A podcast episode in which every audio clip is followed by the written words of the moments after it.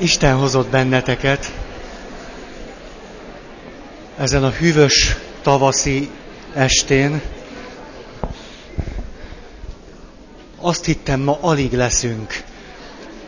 Körülbelül azt, az a húsz ember, aki föltette a kérdéseit, azok jönnek el. Te jó ég! Hú, de milyen ötletesek vagytok ott. Eszter, te tudsz valamit? Na jó, próbálok jól gazdálkodni az időmmel. Szeretném egy tíz percben körülbelül összefoglalni az idei évet. Ezt eddig mindig megtettem. És nem azért, mert ennyire kényszeresen hagyománytisztelő vagyok, hogy ne bírnék ettől elszakadni, de talán nem érdektelen nektek az, hogy halljuk úgy egybe ennek az egész esztendőnek az ívét. Főleg én azt hiszem minden alkalmon itt voltam. És ezt azért mondom így, mert fogalmam sem volt, hogy ősszel miről beszélgettünk. Halvány gőzöm sem volt. Elő kellett vennem a lapokat, és akkor döbbentem rá, hogy, hogy jaj, jaj, jaj tényleg ez, ez, ez most, most idén volt. Úgyhogy én teljesen elszálltam. Írtam irodalomjegyzéket is majd, majd lehet belőle venni, de szent önmérsékletre kérlek titeket. Azért mondom már most előre, hogy, hogy készítsétek magatokat arra, hogy amikor majd lehet belőle venni, akkor ne rohanjatok. Mert 120-at csináltam, tehát úgy nagyjából három emberenként jut egy. Tehát, na jó. Miről is volt szó az idei év alatt?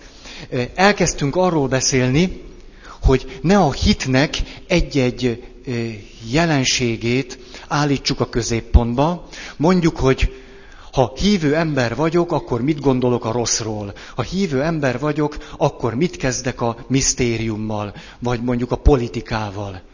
Hanem arról szerettem volna beszélni, ez ment hónapokon keresztül, hogy a hit az egy olyan fejlődő folyamat, az ember életében, amelynek természetesen vannak életkori meghatározottságai is számunkra, és mégis azt látjuk, hogy egy ember, ahogy az élet útját járja, a hitében nem áll mindig ugyanazon a ponton, ugyanazt a kérdést, lehet, hogy ugyanúgy teszi föl, és mégis ő maga más és más és más válaszokat ad. Tehát szerettem volna nem témákra összpontosítani, mert akkor jönnek ugye azok a kérdések, ahogyan kaptam is ilyen kérdést, hogy mit kezdjünk a rosszal. Vagy a hívő ember mit kezd a rossz problémájával. Vagy ha az Isten jó, akkor mi van a világban, hogyha azt tapasztaljuk, hogy van rossz. Nem akartam így megközelíteni, mert így általában zsákutcákba jutunk. Hanem a hitről, mint fejlődő folyamatról beszéltem, a hét fázisát mondtam hónapokon keresztül, James Fowler nyomán. Aztán utána megnéztük azt, hogyha a, a hiten túl más számunkra fontos lelki folyamatokról beszélhetünk, akkor azról hogy beszélhetünk, mint fejlődő folyamatról. És akkor a hit mellé tettünk még másik két dolgot, a vallási ítéletalkotás fokozatai, ez volt a második nagy téma, Fritz Ózer és Paul Münder nyomán. Aztán a harmadik, az erkölcsi ítélőképesség fejlődése Lawrence Kohlberg szerint. Ezek voltak, ezzel majdnem elment karácsonyig az idő, körülbelül. Ezzel a három ö, dologgal. Aztán utána fordítottunk egyet, talán emlékeztek erre, azt mondtam, hogy eddig a, a hitről, a, az ítéletalkotásról, a meggyőződésről beszéltünk, mint fejlődő folyamatról. Most fordítsunk egyet, és nézzük meg, hogy mi a helyzet a kételjel. Előtte azonban még egy kicsit kirándultunk, mert beszéltünk arról, hogy a Bhagavad Gita szerint a hívő embernek milyen típusai vannak, beszéltünk a három típusról, és azoknak a jellemzőiről. Aztán Martin Bubert idéztük meg, akinek kapcsán arról beszéltünk, hogy a zsidó jámborságnak milyen alaptípusai vannak. Itt is hármat találtunk, erre is szántunk egy alkalmat. És utána mentünk át arra, hogy nézzük akkor most meg, hogy a kételj, amely a hitnek a fázisaiban, bizonyos pontokon természetszerűen egy-egy fázisnak a jellemzője, és ö, megfigyelhettük azt, hogy a, az elmélyülő hitben, ha nem jelenik meg a bizonyos pontokon a kételj és a kérdés, akkor a hit nem mélyül el. Tehát ki tudtuk azt jelenteni, hogy a kételj, a krízis, a válság, a mélypont, az tulajdonképpen a hitünk elmélyülése szempontjából döntő fontosságú. És akkor elkezdtük a fonákjáról nézni ugyanezt a történetet, és akkor beszéltünk arról, hogy a válságnak, a mélypontnak milyen paradoxonjai vannak a hitünk szempontjából. Aztán beszéltünk arról, hogy a válságra hogyan tud az ember eljutni, és aztán, hogy a válságból hogyan tudunk kikerülni. Ennek kapcsán beszéltünk arról, hogy a, a lelki válságnak és a kételkedés elmélyülésének általában jellemzően van egy olyan szakasza, amire azt mondjuk, hogy depressziósok vagyunk, depresszívek vagyunk. És akkor a neurotikus depressziónak a leírására vállalkoztam, és azt néztük meg, hogy ez hogyan jellemzi az embert, és hogy ebből hogyan tudunk kijutni. És akkor Jónás könyvével hasonlítottuk össze ezeket a lélektani szakemberek által tett kijelentéseket, és nézhettük azt meg, hogy milyen eh, nagyon egyértelmű megfeleléseket lehet a kettő közé tenni. Aztán beszéltünk arról, hogy az Istennel kapcsolatban a természetünkben eleve adva van egy valamilyen fajta félelem, ami az Istennel és az Istenre vonatkozó hittel kapcsolatos.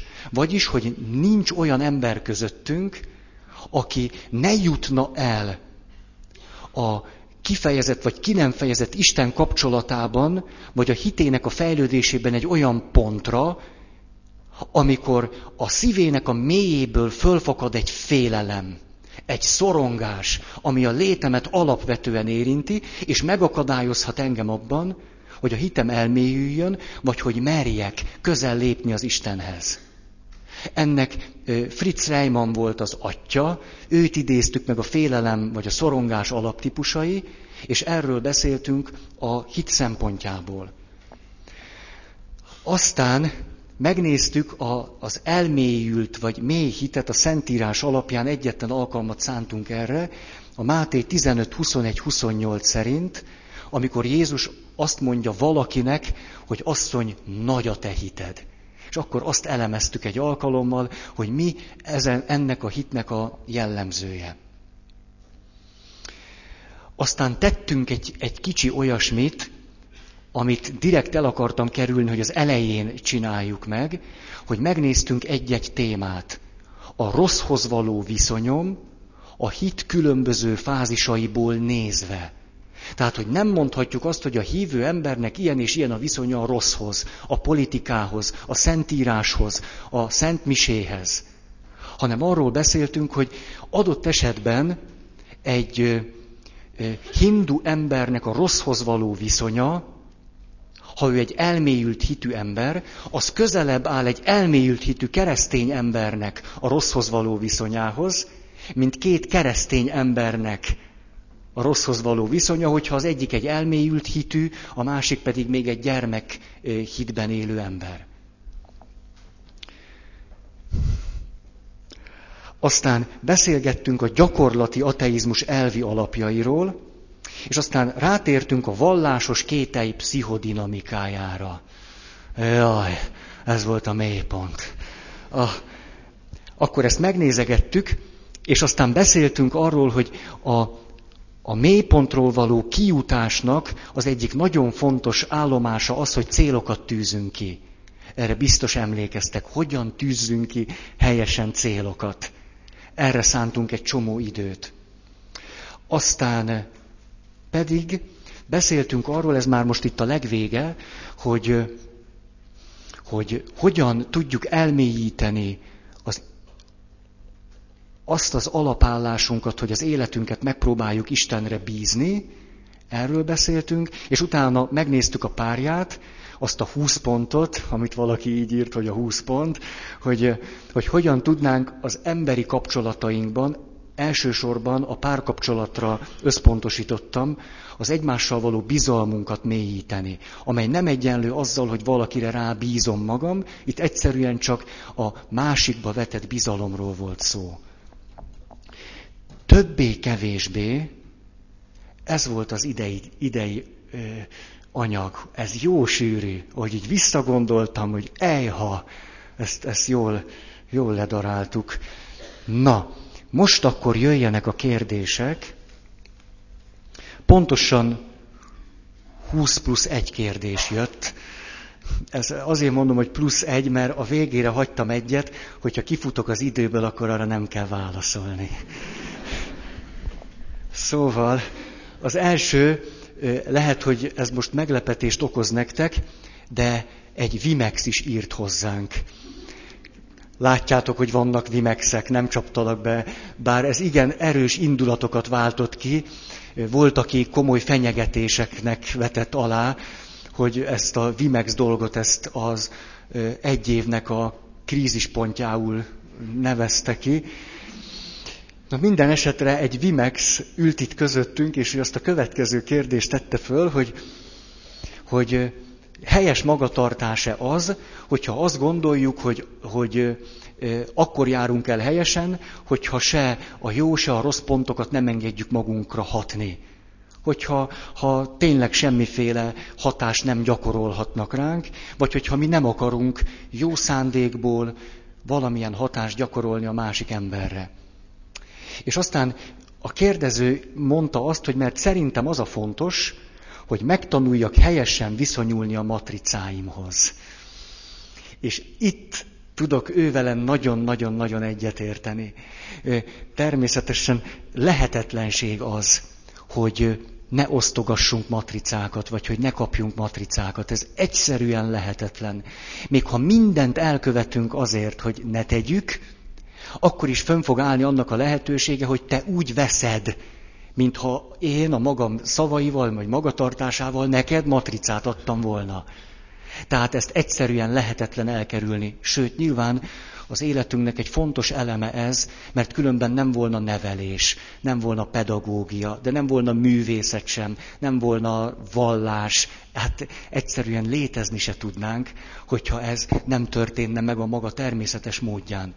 Valóban a lényeg az az, hogy képes vagyok-e tudatosítani magammal azt, hogy milyen matricákat kaptam, és ki tudok-e alakítani egy relatív szabadságot azokhoz a matricákhoz, amelyek rajtam vannak, azokhoz a, a megjegyzésekhez, ítéletekhez és minden egyébhez.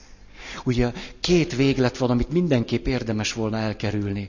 Az egyik, ezt a, a hajléktalan szállói élményeim közül mondom, ott volt egyszer valaki, egy ötven valahány éves férfi, egy, egy mikor bekerült, akkor arra gondoltam, hogy, hogy na ez az űrge mit keres itt.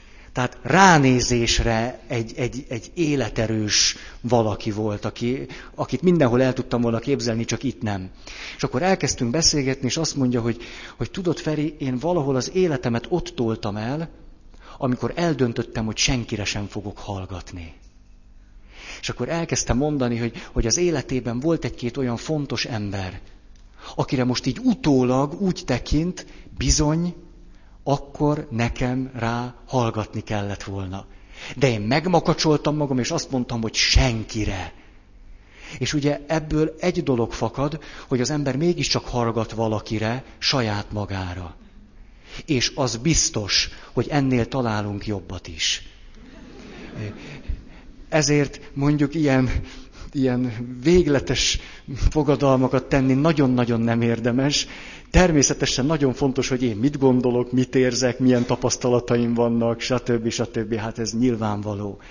De, de nyilván ez az egyik véglet. A másik, amit a, a depresszív ember él át, és amiről sokat beszéltünk, amikor olyan módon vagyok kiszolgáltatottja a ti ítéleteiteknek, hogy az engem már olyan mértékben korlátoz, hogy nem tudom az életemet kibontakoztatni. Amikor túlzottan is függvénye vagyok a ti matricáitoknak. Nyilván tehát a kettő között kellene valahol lavírozni. Most ahogy ezt elmondtam, már is úgy gondolom, hogy iszonyú közhelyes vagyok. De nehéz, nehéz most egy óra alatt húsz kérdésre úgy válaszolni, hogy nem tudom milyen legyen. A másik pedig, ezt tavaly nagyon hangsúlyoztam, csak elfelejtettem most az elején mondani, hogy nem akarok válaszokat adni, mert a válasz az benned születik. Te kérdezel, én meg felelek. De hogy ez válasz lesz-e, vagy milyen válasz, ez már benned, benned születik meg, adott esetben én nem is tehetek ezért semmit.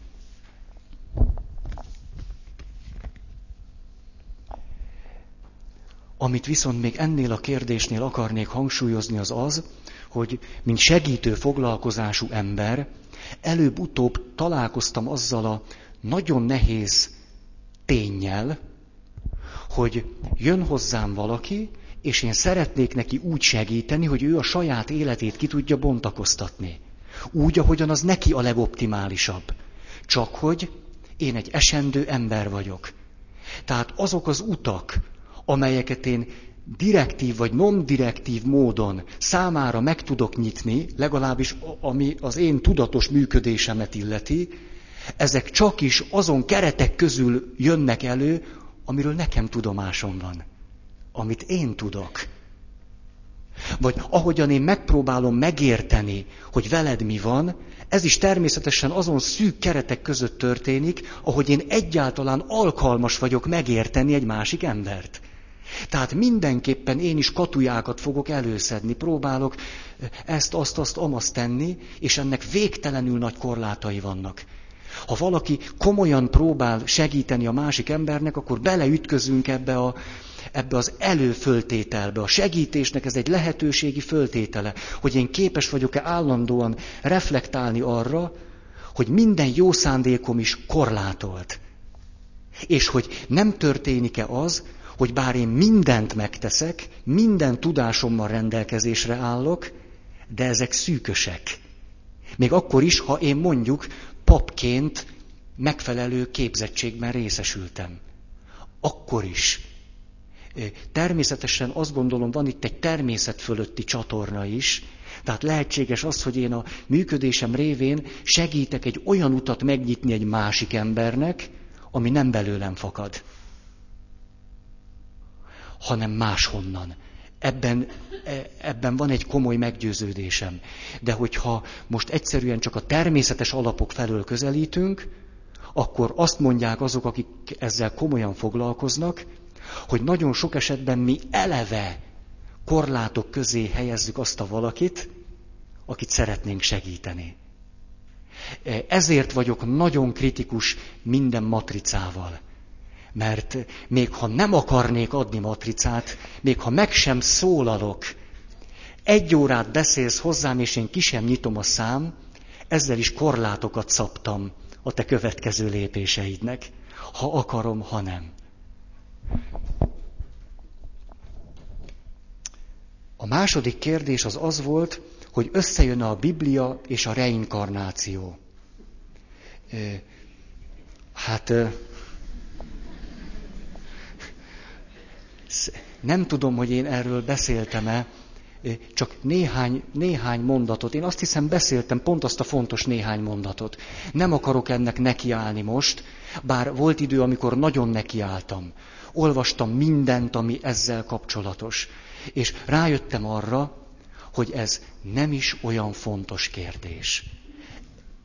Ezzel most nem akartam agyoncsapni a kérdést, vagy lepasszolni, hanem egyszerűen azért, mert miután elolvastam az egyiptomi hagyományt, a hindu halottas könyvet, a tibeti halottas könyvet, beszéltem hindu mesterekkel, buddhista papokkal, mindenkivel erről a kérdésről, hát már amit én el tudtam érni, akkor kiderült az, hogy egy komoly, becsületes buddhista, vagy hindu, vagy valaki, aki hisz a reinkarnációba, az úgy tekint a maga születésére, hogy éljek úgy, mintha ez volna az utolsó és egyetlen.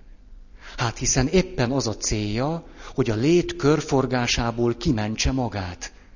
Ezért egy, egy komoly hindu tradícióban az, a megszületett, épp csak megszületett csecsemő fölött egy mantrát imádkoznak el, amelyben a csecsemőnek azt mondják, hogy ide figyelj, már most elkezdjük neked hangsúlyozni, hogy élj úgy ezzel az élettel, hogy többet ne kelljen megszületned akkor mi az a lényegi különbség?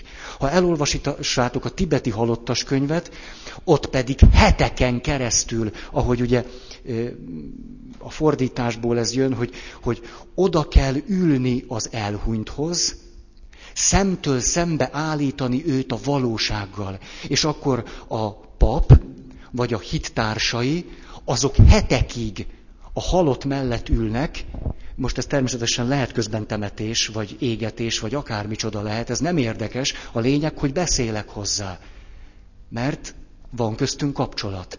És heteken keresztül egy hihetetlen, precízen kidolgozott rendben állandóan azt mondják az elhunytnak, hogy most ilyen és ilyen vízióid vannak, ilyen és ilyen látomásaid. Most káprázat az, ahol tartasz. A halál utáni második héten ezekkel és ezekkel és ezekkel az alakokkal fog találko- fogsz találkozni. Ne higgy a saját látomásaidnak, hanem maradj meg a hitedben, amit gyakoroltál a világban, és törekedj arra, hogy ne nyíljon meg számodra az anyamé. Ugye ezek a kifejezések szerepelnek benne. Tudatosan kérd azt, hogy zárva maradjon az anyamé, és ne kelljen újból születned. Hol van akkor a nagy különbség? Ha belemegyünk ebbe a témába, és tényleg a, a, a lényegig megyünk, akkor úgy tűnik, hogy a lényeget ez igazából és komolyan nem érinti. A, a Szentírásban egyébként vannak olyan szövegek, amelyek látszólag passzolnának a reinkarnáció tanításához. Ezt így mondom, hogy látszólag. Nem akarok ennek a teológiájába belemenni, csak egy pár dolgot nektek. Az egyik, a korabeli zsidóságnak is megvan a maga irodalma, és a rabbinikus irodalomból egyszerűen nem jön elő az, hogy a zsidók hittek volna ebbe. Azután, ha végignézzük a zsidó hagyományt egészen a mai napig, nem látjuk azt, hogy ebben ők hittek volna. Amikor ott jártam Jeruzsálemben, akkor kérdeztem, hogy miért van az, hogy a, a megmaradt városfalhoz egészen közel vannak a legfrekventáltabb temetők. És akkor erre azt mondja, ami zsidó idegenvezetőnk, ja, hát ez nagyon egyszerű. Hát a zsidó emberben eleven ma is a hit, hogy a messiás itt ezen a, a kapun fog belépni a Szent Városba. És ha a messiás belép a Szent Városba, akkor történik a holtak föltámadása. És ezért szerettek volna minél közelebb temetkezni ahhoz a helyhez, ahol a messiás belép a Szent Városba, hogy minél gyorsabban föltámadjanak. Ez a ma élő eleven hit, ha odamész, akkor, akkor látod a, a másik. Most képzeljük azt el, hogy a, a, a reinkarnáció élő és eleven hit, amit később gonosz papok kiszednek a Szentírásból, vagy nem tudom, valamilyen történik, szokás szerint. Na, ö, akkor mondjátok meg nekem, miért akkora poén Jézus föltámadása a halálból? Hát akkor mi az értelme ennek az egésznek? Akkor mi az üzenete? Akkor az egész keresztény hit egyszerűen abszurd talajokon áll. Nincs az a talaja, amire, amire ez megoldás lenne, vagy válasz, vagy ami miatt ez érdekes volna. Hát miért érdekes az, hogy valaki újból született, azt eljött hozzánk? Hát ez poén akkor? Egyáltalán nem poén. Arról nem is beszélve, hogy tudjuk a, a szad, szadduceusok meg a farizeusok vitáját, hogy a szadduceusok az a zsidó népcsoport, amely még a föltámadásban sem hisz nemhogy a reinkarnációban. És ugye Pál apostol ezt használja ki, hogy azt mondja, hogy én is farizeus vagyok, hiszek a holtak föltámadásában, és ezért engem a szadduceusok üldöznek. Hát éppen ettől menekíti, emiatt menekül meg a, a haláltól, hogy ki tudja ezt a két zsidó csoportot egymás ellen játszani. De amit most mondtam, ez csak azért, hogy, hogy na hát lássatok valami ilyesmit is mögötte, de, de a lényegesebb az eleje volt. Egyébként nyugodtan higgyetek, ha nektek jól esik ebbe. Hát higgyetek, és akkor mi van? Hát a, a Szóval tudjátok, a, a, a keleti irodalom tele van ezzel, hogy amit most megúszol, az majd búsásan visszajön neked. Mert a reinkarnációhoz egyértelműen legközvetlenebb álló tanítás, ami, ami nélkül nem is értelmezhető helyesen, a karmatan. Minden tettnek megvan a következménye. Kész. Ha nem vívódod meg ma, holnap megkapod csőstül. Ennyit ettől, erről a fölszabadító keleti teológiáról. Egyébként azt tudjátok, van ilyen a szakirodalomban, hogy is, hogy is, hogy azt hiszem pont ez a neve, de ebben most nem vagyok biztos, hogy reinkarnációs depresszió. Tényleg így van, most komolyan, na, így van, keleti embereknek ez, egy, ez a vallási neurózisnak egy klasszikus esete, de keleten fordul elő azokkal a fiatalokkal, akiknek egyszer leesik a tantusz, hogy a halállal nem ér véget az élet. És nem is úgy gondolják, mint mi, hogy utána örök érvényűen eldől a sorsunk. Vagyis, hogy újból és újból, és megint, és megint. És aki ettől hülyét kap, hogy nem tud kiszállni. Tehát állítsa már valaki ezt meg, meg ki szeretnék szállni. És akkor látja a saját hagyományát, hogy a legprofibbaknak is milyen nehéz volt kipattanni ebből a körből. És akkor azt mondja, hogy hát ebbe bele kell őrülni. És ez a reinkarnációs depresszió.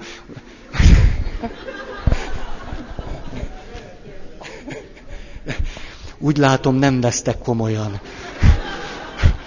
Na mindegy. Lenyelem. Úgyse sokat kell már elviselnem titeket. A, azt hiszem, egy kicsit bele kell húznom. Azt mondja, hogy asztrológia és Isten. Jól belekérdeztetek, nagyon megy ez nektek. A, ö, emlékeztek talán arra a történetre, az a személyes tapasztalatom az ötvenes években, amikor egy rákosi viccér börtönbe dugták az embereket, akkor a rendőrség asztrológust foglalkoztatott, aki a gyilkossági és egyéb nagyon súlyos bűnesetekben, amelyekben a rendőrség megakadt, őt kérték föl szakértőnek. Ezt onnan tudom, hogy én így beszéltem vele. Ez az idős bácsi már meghalt. És azt kapta, azt kapta, ö, hát milyen ellentét, hogy mondják ezt, tehát jó, olyan sokan beszéltek, hát egy valaki mondja így, nem, minden. Szóval, hogy, hogy azt kapta cserébe, hogy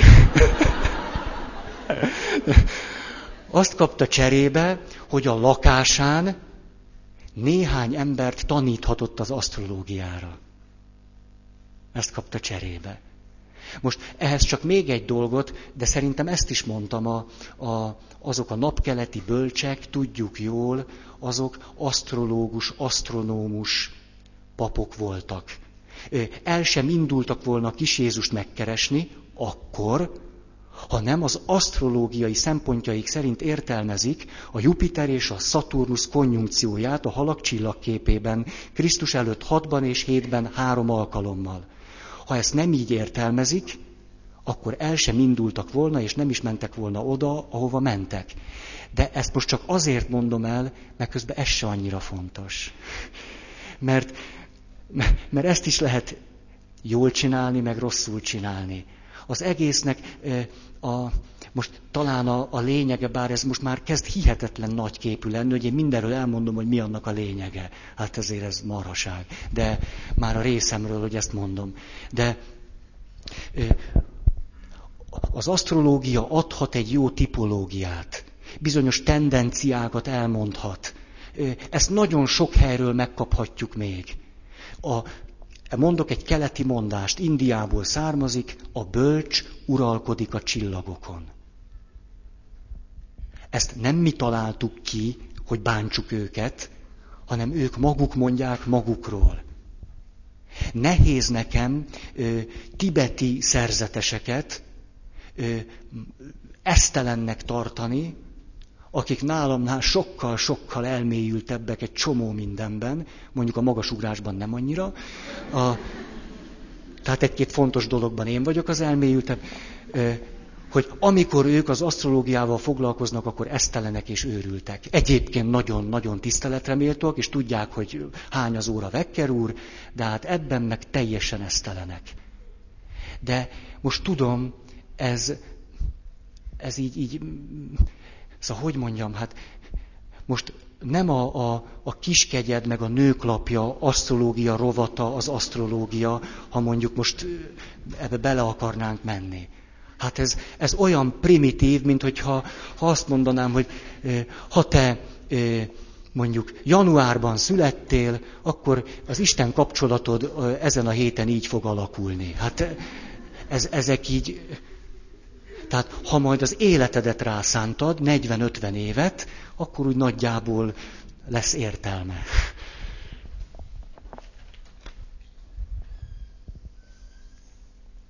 Ha az emberek írták a Bibliát, és emberek mondták meg, hogy mi kánoni, hogy mi tartozik bele és mi nem, akkor miért kéne szó szerint venni, és miért kéne követni?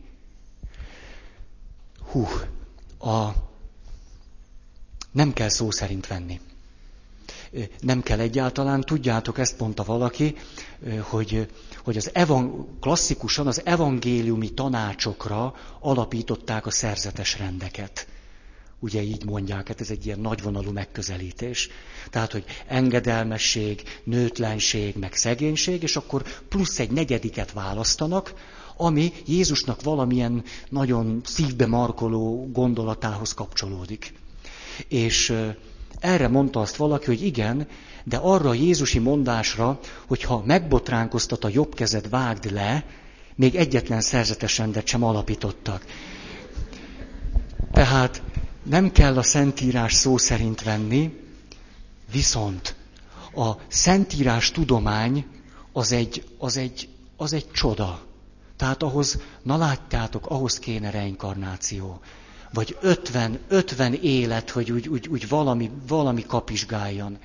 A, az egy akkora tudomány, hogy az valami fantasztikus. Csak egyetlen összefüggést. A hermeneutika, ami ma, hú, hermeneutika, ma mindenki, hát egy kicsit adsz magadra, akkor tudod, mi az a hermeneutika, az a bibliai hermeneutikából fakad nagyon sok mindenben módszertanilag a filozófia és a tudomány a Biblia kutatásból vett át elemeket. Egyszerűen azért, mert el tudjátok azt képzelni, hogy egy, egy, egy hívő ember, főleg, hogyha van egy kis sütnivalója, nem áll neki széttrancsírozni a Szentírást. Hát annyival előttünk járnak, hogy csak, csak távcsővel nézzük őket. Tehát érdemes belemenni a Szentírás tudományba egy picit, mindig jobban, hogy, hogy ne lehessen minket eladni. De természetesen emberi közvetítéssel íródott, emberi közvetítéssel határozták meg, hogy mi kerüljön be a szentírási kánonba, ebben mindig lesznek esetlegességek, és mindig fölfedezhetjük, ezt most hívő emberként mondom, az Isten kezenyomát.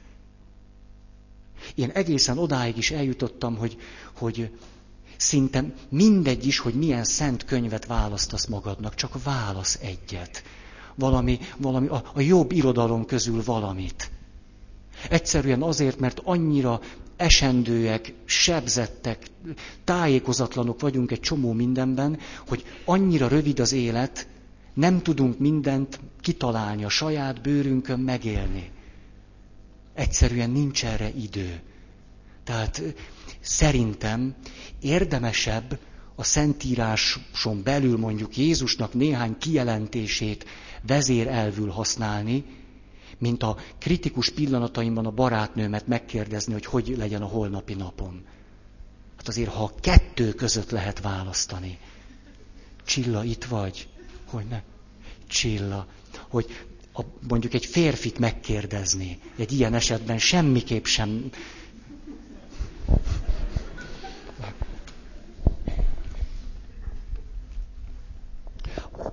Azt mondja, hogy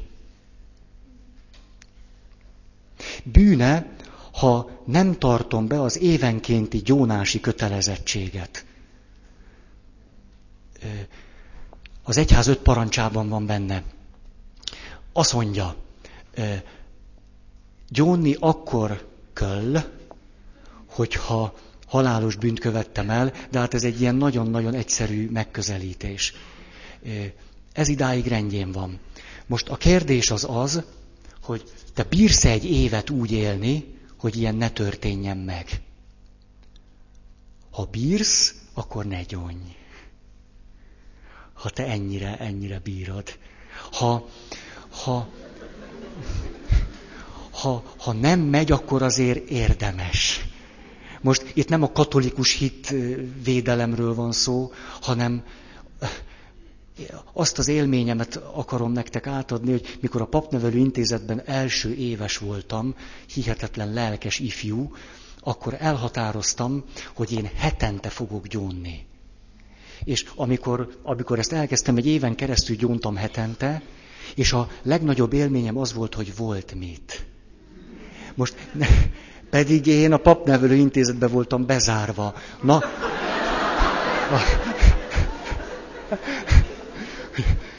naponta egy óra 15 perc séta. Hát az alatt egy jó vaskos bűnt sem lehet elkövetni, hát egy óra 15 perc alatt. A, de értem ám én ezt a kérdést, csak, csak, na, na, na, szóval jó, meg lehet ezt innen is közelíteni, szerintem nem annyira érdemes. Nem annyira.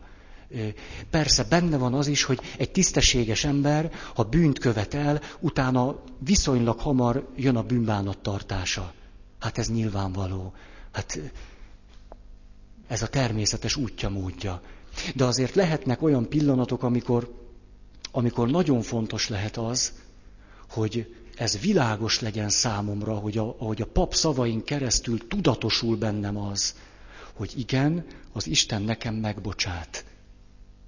Azért ismerem annyira az embert, hogy tudjam azt, hogy az a valaki, aki azt mondja, hogy nekem nincs szükségem gyónni, de most olyanokra gondolok, akik, akik ebbe születtek bele, tehát számukra ez egy, egy természetes folyamat volna, és azt mondják, hogy ó, de hát én ezt simán elintézem, hogy ez többé-kevésbé mit jelent.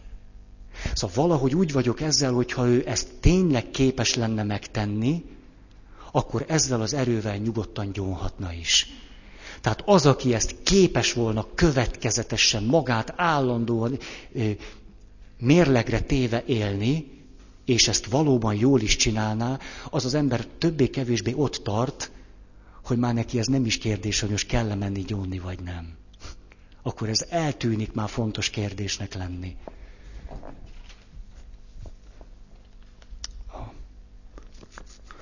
Inkább az az érdekes talán, hogy, hogy mi van e mögött a kérdés mögött.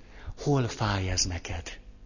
Mi, milyen élményeid voltak, vagy hol sebződtél meg, vagy talán ezek a fontosabbak, nem, nem ez az elvi. Bűne, ez volt eddig. 20 pont. Hogyan lehet ezt a 20 pontot ösztönössé tenni? Vagyis, hogy tudok bízni a másik emberben. Erre tényleg a zeneakadémiai példa a legjobb gyakorolni, gyakorolni, gyakorolni. Ne, nincs más út egyszerűen ezt, ezt csinálni reggeltől estig, ameddig meg nem deglünk. Akkor, akkor úgy valami ki fog nézni a végére. Ha elfogadom tényként a másik ember érzését, akkor mit kezdjek vele? Akkor hagyjam, hogy dühös legyen, vagy féljen, vagy tomboljon? Vagy beszélgessünk? Vagy mi, mi, mi legyen akkor, mit kezdjek vele? Hát természetesen az, hogy én tiszteletben tartom a te érzésedet, nem jelenti azt, hogy közben közömbös vagyok, vagy közönyös. Tehát az engem érint, és mi egy találkozásban vagyunk egymással.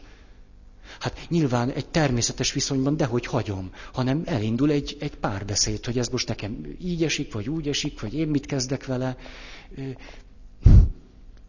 Az, hogy én tiszteletben tartom a másik érzését, az nem jelenti azt, hogy amilyen állapotban ő van, abban ő szeret lenni. Hát lehet, hogy, hogy mondjuk egy kérdést kéne föltennem, hogy, hogy mondd azt, hogy te most félsz, az neked jó-e vagy nem? Nem. Gondolod-e, hogy én tehetek valamit azért, hogy te ne félj? Gondolom. Hát akkor már is van mit csinálni. Tehát nyilván ez egy, ez egy párbeszéd kérdése, hogy én látok valami érzést vagy érzelmet benned, és rá lehet kérdezni, hogy és most ezzel mit kezdjünk? Vagy akarod, hogy én ezzel kezdjek valamit, vagy csak viseljelek el? Hát ilyen is van, hogy azt mondja, hogy semmit, csak engedd meg, hogy dühös vagyok. Három perc alatt kifújom magam, és utána megint működök normálisan. Csak ennyit kérek, és akkor nem kell vele semmit csinálni. De lehet, hogy kell. De hát ezt én nem tudhatom, csak akkor, ha beszélek veled.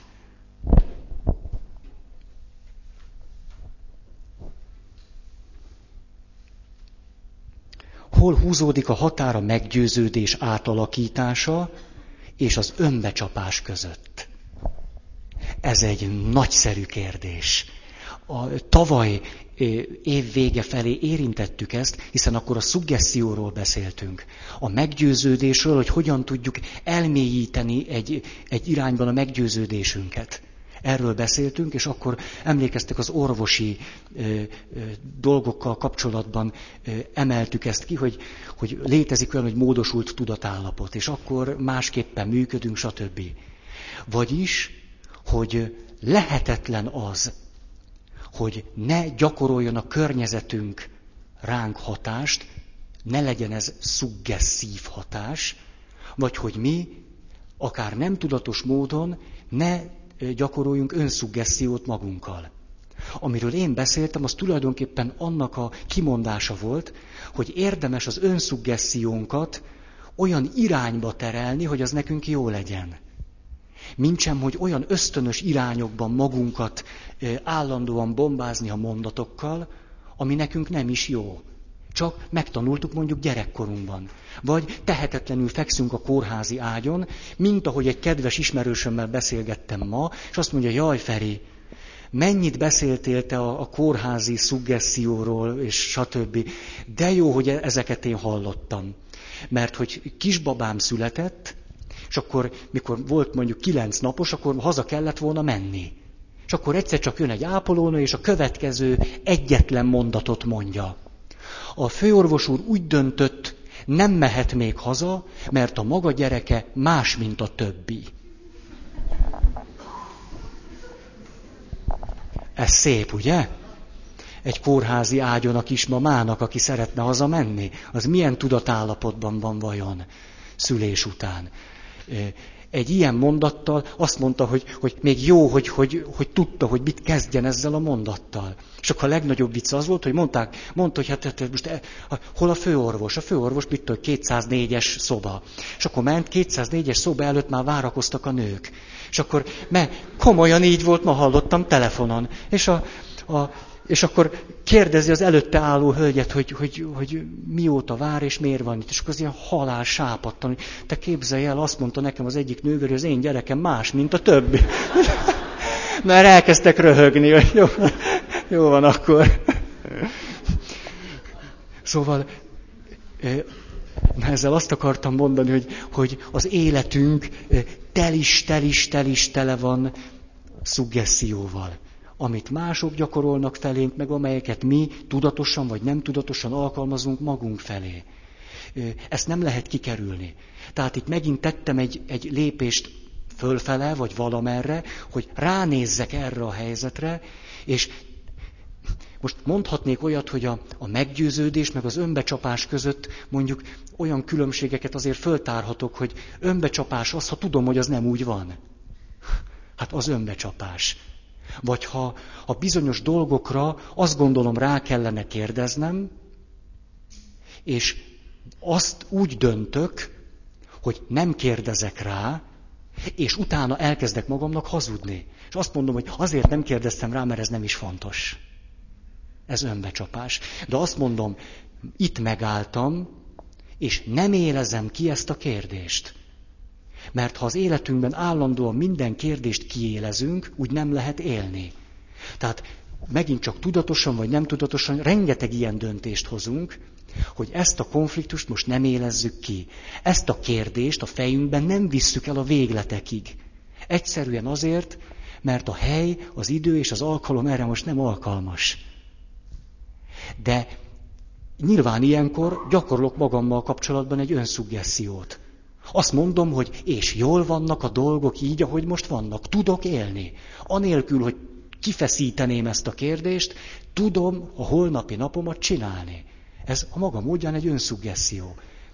Akkor járok el azonban helyesen, és akkor nem lesz önbecsapás, ha azt mondom, de tudom, itt van egy kérdés, amit nem tettem föl. Azért nem tettem föl, mert. És ad akta van helyezve. Akkor nem csapom be magam. De szerintem ezek, ezeket tudjátok ti is. Tehát nem is akartam ennek így, így nekiállni. A, a kérdés szerintem inkább az, hogy, és tulajdonképpen erről folyik a beszélgetésünk, hogy hogyan tudnánk meghatározni azt az utat, amelyben azok az értékek vannak, amelyek mentén érdemes önszuggesztiót gyakorolni. Tehát inkább ez a kérdés, hogy merre felé gyakoroljuk ezt. És hogy milyen arányban engedjük a környezetünket hatni ránk, és milyen arányban hassunk mi magunkra, vagy engedjük meg Istent, hogy hasson ránk. Egy imádságban is nagyon sok szuggesszív elem van, természetesen. Hihetetlen meleg van. Hát ez, ez, hogy bírjátok? Erőszakos hittérítés. Ez a kérdés, hogy hát vélemény is volt hozzá, hogy azért az nem szép dolog. Ezzel teljesen egyetértek. Tehát nekiállunk slaggal keresztelni és egyéb dolgok. Ezeket hála Istennek már elfelejtettük. Természetesen ne, hát ne, ne. Utána azonban volt még egy ilyen szempont, hogy, hogy a nagy keresztény egyházakat is, már hogy a nagy keresztény egyházak egymástól különböző tanítását is kellene tanítani, hogy az ember választhasson a, a, a felé, a vallás felé, ami neki a legmegfelelőbb. Valahogy így hangzott ez el. Nekem van egy örömhírem, hogyha valaki katolikus hitoktatáson vesz részt, az fogja kapni a többit is. Mert egy rendes katolikus hitoktató tantervében ott van, hogy protestantizmus, szépen el kell mondani, hogy ott mi van. Egy, ha egy igazán, igazán jó katolikus hitoktató van, az ezekre az előadásokra meg fog hívni egy protestáns valakit. Hogy az beszéljen magáról. Hát ez a normális. A, itt azonban a kérdés mögött van valami más is. Az egyik, hogy nagy kérdés az, ez a, a, a kisbaba születésével szokott kiéleződni már is, hogy hogyan neveljük.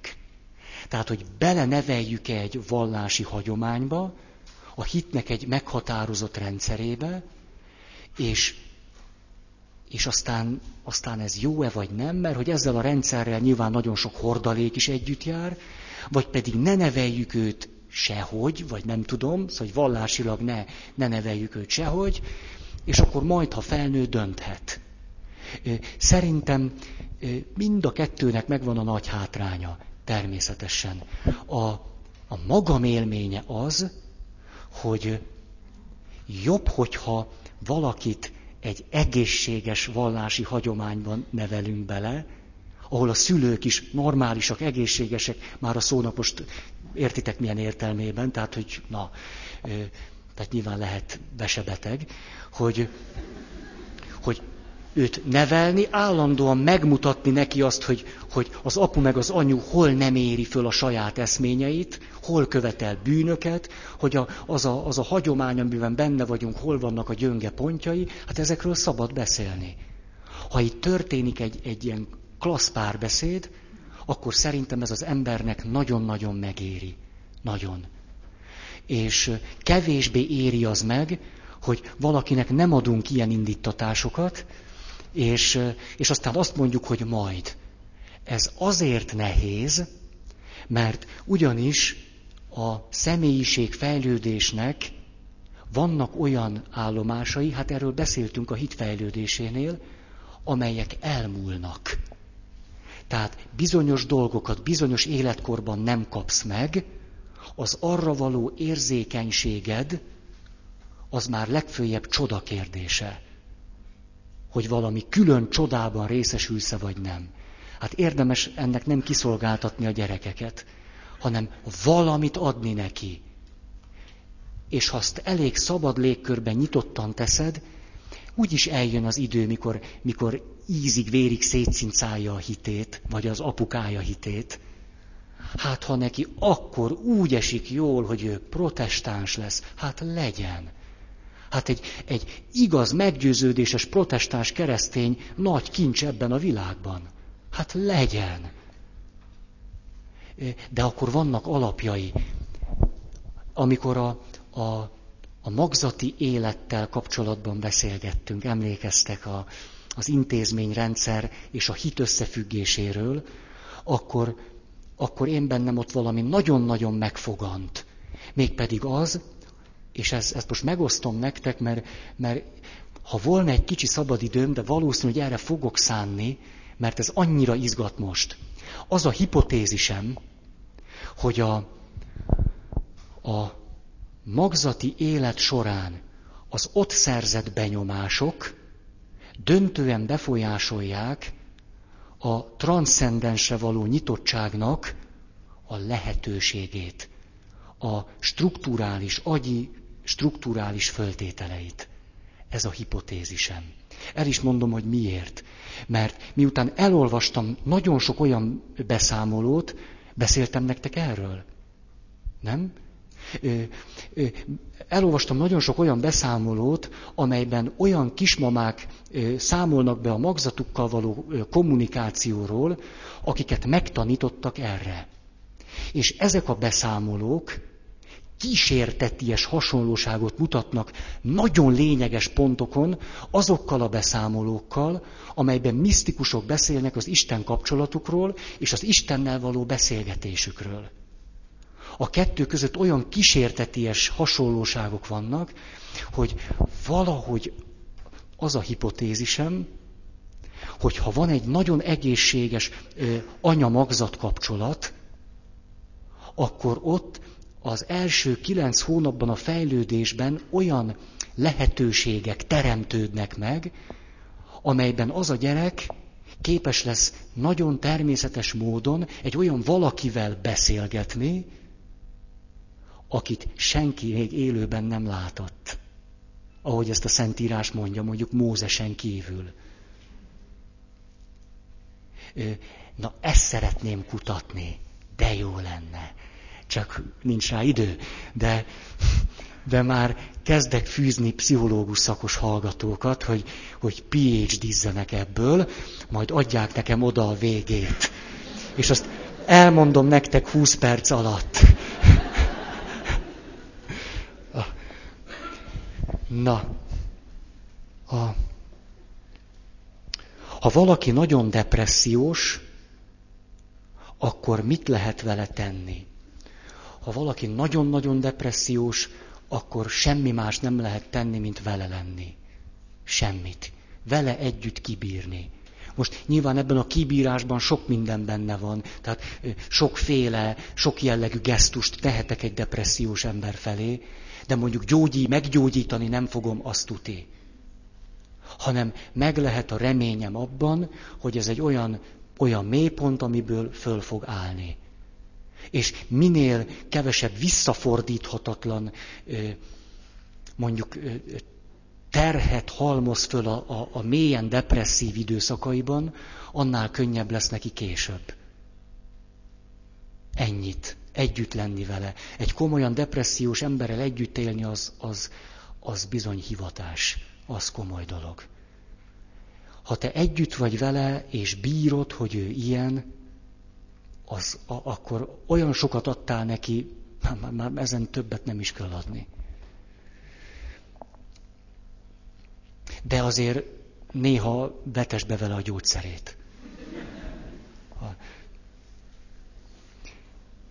Kölcsönös bántás, meg nem bocsátás után már nincs lehetőség megbeszélni azt, ami történt, azért, mert már nem találkoznak egymással, és ráadásul ez mind a kettőjüknek első szerelem volt.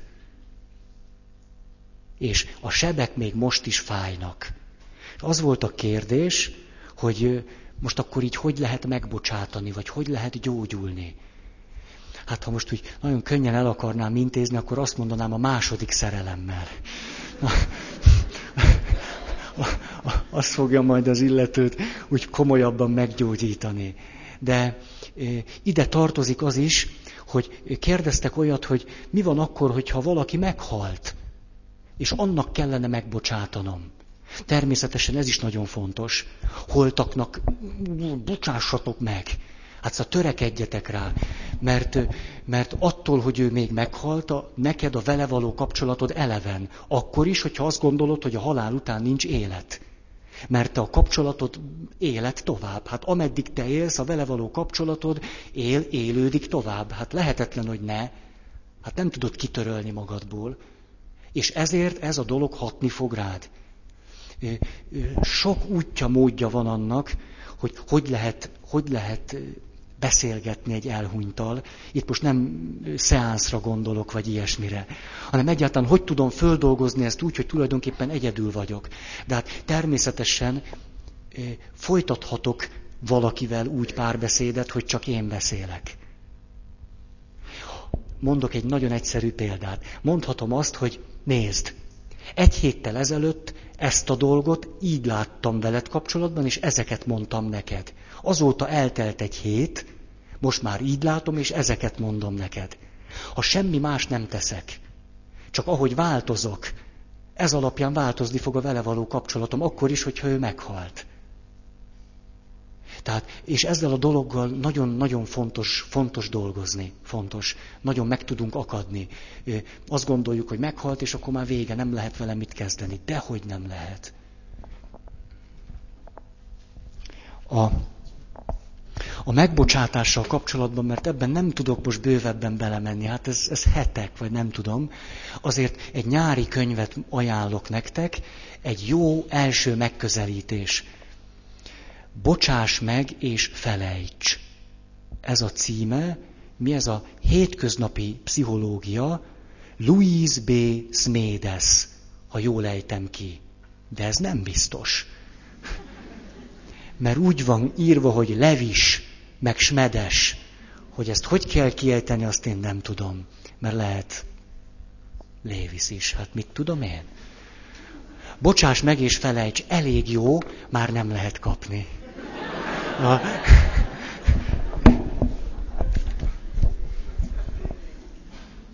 94-ben jelent meg, ezzel föl akartalak titeket dühíteni, hogy mindenképp megszerezzétek.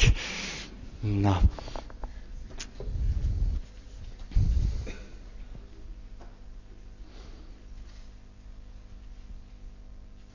Igen, akkor még ide visszatérve, hogy, hogy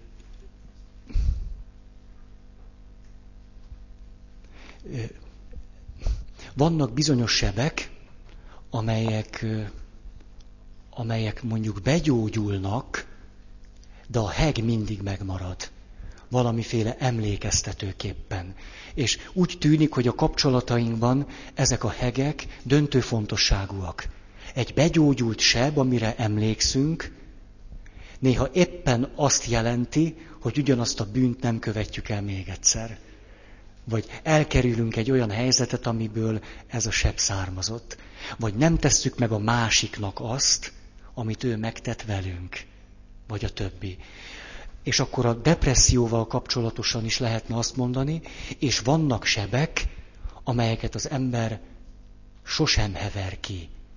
Sebek, amelyek sosem gyógyulnak be. Az én egyik lelki atyám azt mondta erről, de ezt már idéztem, csak mondom még egyszer, mert mindig vannak újak. Az élet ott kezdődik, amikor az ember a halálos sebet megkapja. Attól kezdve lesz súlya az életnek, hogy és akkor most ezzel hogy élek tovább. Életemben egyetlen egy emberrel találkoztam, akivel három éves kapcsolatom, már pedig egy ilyen önismereti csoportbéli kapcsolatom alapján sem tudtam kimondani azt, hogy ő is mondjuk közelít ahhoz a neurózishoz, ami bennem is van. Tehát, hogy mondjuk egyetlen egy emberrel találkoztam, akire úgy néztem, hogy úgy tűnik, hogy ez az ember nem kapta még meg a halálos sebét, és 50 éves. Egy, egy ilyen. Az összes többi, bár nem ismerlek benneteket, de a többiek, Istenem. Dehogy nem már. Ha nem is halálosat, de azért ilyet olyat kaptatok már. Azt tuti. Lehet, hogy a halálosat még nem. Ezt csak azért mondom, mert az élet nem ott áll meg, ahol a halálos sebet kapjuk. Ott kezdődik. Ott lesz jelentése a föltámadásnak. Addig, ha, addig itt akartok élni. Inkább kérnétek még öt évet, nem? Ha, akkor egyszer csak jelentése lesz ennek a dolognak.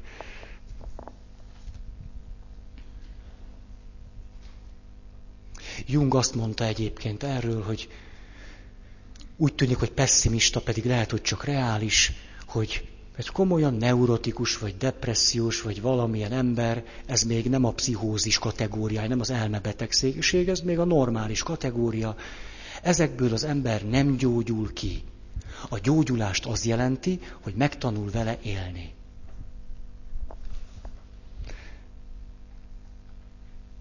Voltam most szombaton Battyányi Stratman László, hát nem sírjánál, mert nem ott van eltemetve, hát életének utolsó helyén, Körmenden. Több egyszer voltam már ott. Na például érdemes volna elolvasnotok Battyányi Stratman László életrajzát Püskeli Mária leírásában. Azért, mert a többi, legalábbis amiket én ismerek, azok csöpögnek a sziruptól. Tehát pont azokat a szaftos részeket hagyják ki, ami miatt érdemes elolvasni. Tehát, hogy mondjuk az ifjú Stratman László, akit ugye szenté avattak, tudom, hogy boldoggá, boldoggá, de az ugyanaz majdnem, hogy, hogy mondjuk tíz éves korában lelép tőle a papája. Azt mondja, hogy jó, hát nekem ebből a családból ennyi elég volt. 12 éves korában meghal a mamája. Őt 18 éves korában az érettségi előtt kirúgják a gimnáziumból, a jó jezsuita atyáktól, pimassága miatt. Majdnem a legfelsőbb fórumig kell egy battyányinak föllebbezni, hogy a fiacskája egyáltalán, egyáltalán érettségizhessen. Ha megnézitek a bizonyítványát, akkor az egyik évben egyetlen tárgyból volt jeles, vívásból. Ennek később nagy hasznát vesse, vette, hiszen katonáskodni ment, amely életmód nyomán sikerült egy gyermeket előállítania egy szolgáló leánytól, amiről az életrajzok nagyon szívesen szeretnek megfeledkezni, hogy ő neki nem csak annyi gyereke volt, amennyi a feleségétől volt. Plusz egy. Igen. A, arról nem is beszélve, hogyha nézitek az arcát, düllett a szeme. Ez még önmagában hagyján, mert de miért? Nagyon sok aranyhalnak is düllett a szeme, és, és az úgy normális. De, de talán ez némi utalás arra, ahogy a felesége beszélt erről, egy eszméletlenül vehemens, indulatos, akármilyen ember volt. És a felesége mondja azt, évtizedek óta nem láttam őt ilyennek. Akkor három gyereke hal meg. Kettő kicsikorában, egy 21 évesen, a nagyfia, az örökös. Aztán 14 hónapig küzdik a halálos betegséggel. Folytassam még. Most a szép dolgokat direkt nem mondtam el, ezt olvassátok el. Na, de ebből az emberből szent lesz, ez azt jelenti, hogy a bölcs uralkodik a csillagokon. Tehát, hogy ő nem egy halálos sebet kapott, hanem sokat. Ettől ő még szent lett. Nem így lett szent, ez csak így. Ha mindenki megsérül-e egyszer? Igen, kivéve azt az egyet. Majd az ember sose tudjon semmibe se megnyugodni. Azt mondja, hogyan érdemes feldolgozni? Jól. Jól. Az ilyen sebeket, ha föl lehet dolgozni, most elnézést, ezt tudom, csak ránéztem az órámra. mi van, ha én szeretek, és a társam nem? Hogyha én mindent beleadok, és a társam megmarad önzőnek. Hát, ez közelít a sebhez. A, hát nyilván attól függ, hogy milyen helyzetben vagyok. Hogyha két hete ismertem őt meg, hát akkor még van remény. A, a, ha olyan helyzetben vagyok, akkor le kell lépni. Ha már ha sokadik ultimátum után vagyunk. Tehát ha látszik, hogy, hogy neki fontosabb az önzés, mint én. A, ha házas vagyok, na hát, akkor lehet, hogy a szeretethez éppen az tartozik hozzá, hogy szeretem ezt az önző mukit. Férfit. A... Jó, hát persze ennek is előbb-utóbb vannak határai, de szerintem nem elviek. Nem elviek, gyakorlati határai szoktak lenni. Tehát ha a beleidet lógatod magad után, az egy gyakorlati határa annak, hogy, hogy mennyit bírsz. A menyasszonyom nem képes elszakadni a szüleitől. Mit lehet tenni? Ez, ez nagyon-nagyon komoly, hogyha ha, szóval azt itt egyértelműen tudom mondani, hogy, hogy azért a házasság kötésig valami jelét, ha nem adja annak, hogy én lehetek az ő férje, társa, akkor nem szabad megházasodni. Tehát, hogyha ha ilyen, ilyen csíra szerűen sincs benne a helyzetben az, hogy ez, ez valaha megtörténhet. De itt most ezt ne vegyétek készpénznek, inkább beszélgessünk róla, vagy valaki rendes emberrel. Mert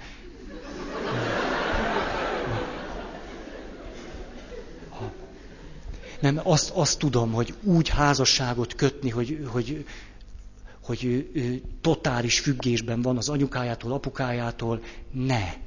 Erre ezt tudom mondani. Ne.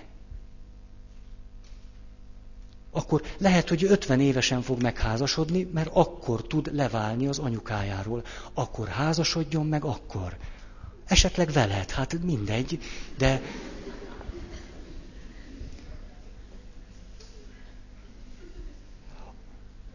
a megbocsátásom előtt a másiknak kell-e bocsánatot kérni? Nem. Nem kell. Ez nagyon fontos. De hogy kell? Hát miért kellene? Az, hogy te kérsz tőlem bocsánatot, és én erre azt mondom, hogy igen, megbocsátottam, ez a kapcsolatunk szempontjából fontos, meg neked fontos. Hogy én megbocsások, az meg nekem fontos. Elsősorban. Hát ki, ki másnak? Hát gyűjtöm magamban a gyűlöletet, hogy addig nem bocsátok meg, míg nem mondod ki azt a mondatot. Hát ez neked jó. Hát én nekem nem, az biztos. Én ez inkább gyorsan megbocsátok.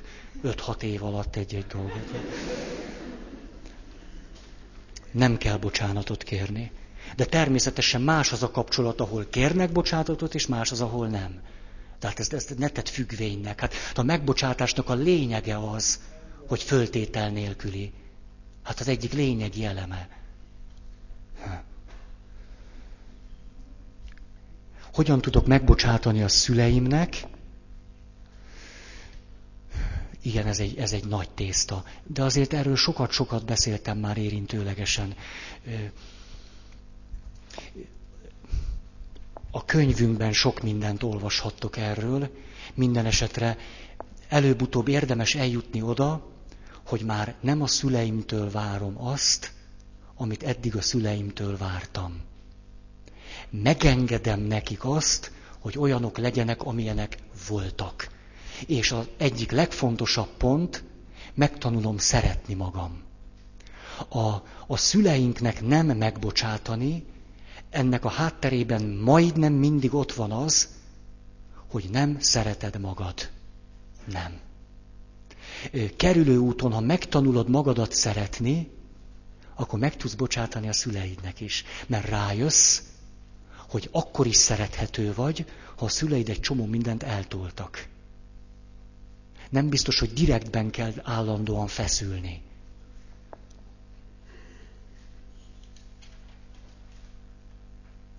Igen. ú, volt ez, hogy Isten mindenható, miért nem tesz a rossz ellen?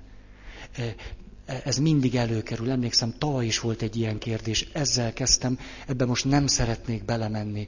A, az évelején beszéltem arról, hogy a, a gyermekhitű ember, a felnőtt hitű ember és az érett hitű ember hogyan áll ehhez a kérdéshez.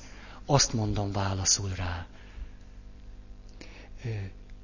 Mondjam el a harmadik pontot a, a két fázisban 50 évig házas asszonynal kapcsolatban.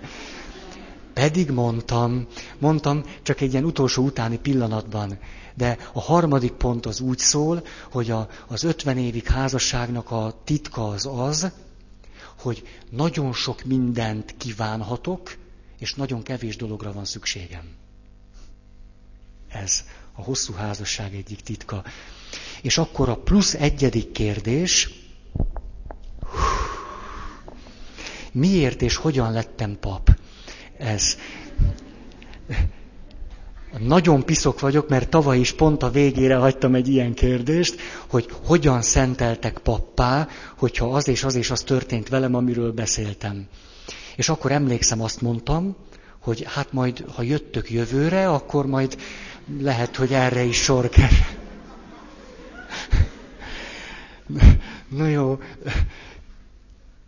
azt hiszem, én elmondtam mindent.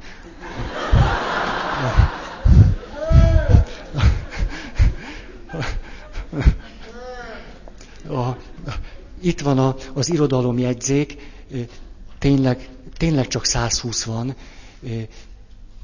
tehát úgy nagyjából hármasával kéne elvinni egyet, vagy valahogy megbeszélni, vagy nem tudom, és akkor én le fogom rakni, leoltjuk a villanyokat, és akkor...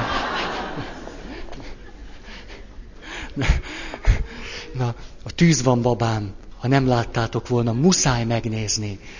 A... Jaj, valamit, a... bírjátok még, engedjetek meg még három percet, muszáj, mert, mert valamit akartam még mondani, mégpedig azt, hogy, hogy már azért hetek óta gondolkozom azon, hogy, hogy mi minden történt a témánkon túl ebben a találkozásban, ahogy vagyunk. És valahogy most erősödött az meg bennem két dolog. Az egyik, hogy, hogy szóval, hogy milyen sokat köszönhetek nektek. Nagyon sokat. Egyetlen példát csak erre, hogy, hogy évelején, azt hiszem ezt nem említettem nektek, hát még nyár volt akkor, fölhívtak Erdő Péter atya megbízásából, hogy vállaljam el itt a jogi karon a teológia stúdiumokat. Mert hogy Feri atya, te itt úgy is vagy, és akkor úgy, úgy mondják, hogy jó ez az előadás, vagy ilyesmi. És hogy, hogy ugyan miért ajánlották volna ezt föl, épp nekem, a, a, a, a senkinek, hogy, hogy itt, itt tanítsak teológiát. Nyilván azért, mert ti ennyien vagytok itt. Hát ezért, hát ne, nem miattam.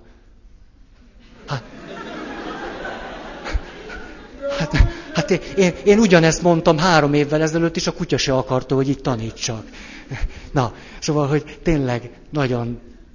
Szóval egy barátom volt itt, papbarátom, azt mondta, hogy tudod, Feri, az volt a benyomásom, hogy, hogy ez egy olyan találkozás, amelyben, amelyben téged ezek az emberek éltetnek. Nagyon igaza van. És aztán azt is mondta, hogy, és azt tetszett, hogy valahogy olyan a jellege, hogy amikor te befejezed, akkor valahogy olyan természetesen ideálhatna bárki, és folytathatná. Mondhatná azt, hogy, hogy igen, nekem meg ilyen gondolataim vannak, és esetleg arra is figyelnénk. Szóval, hogy ez valami közös valami. Aztán a másik, amit akartam mondani, hogy, hogy, hogy szeretném most azt mondani, ilyet még nem is mondtam, hogy én nagyon hálás vagyok a Pázmány Péter Katolikus Egyetemnek, a jogi karának, a portás bácsiknak, nagyon, a takarítóknak, aztán Zsoltéknak, akik a kaját csinálják, meg ezt kitalálták, hogy maradjunk még, hogy a rektor úrnak, Erdő Péter atyának, aki engedélyezi azt, hogy mi itt legyünk, és hogy nem kerül semmibe se, hanem csak így vagyunk. Aztán nagyon hálás vagyok az én egyházamnak, Mert hogy azért találkozhatunk, mert van egy római katolikus egyház. Anya Szent Egyház. És akkor azt mondja, hogy gyertek itt nyugodtan ücsörögjetek. Hogy igen, igen. Hát az mondja ezt. Szóval, hát ez, ez, ezek a tágabb kereteink, ami miatt egyáltalán lehetünk itt. Na, jó. A, tudom, hogy van, van hirdetni való. Kérem akkor, hogy, hogy, hogy aki akar, próbáljatok meg a hirdetésben önmérsékletet tanúsítani.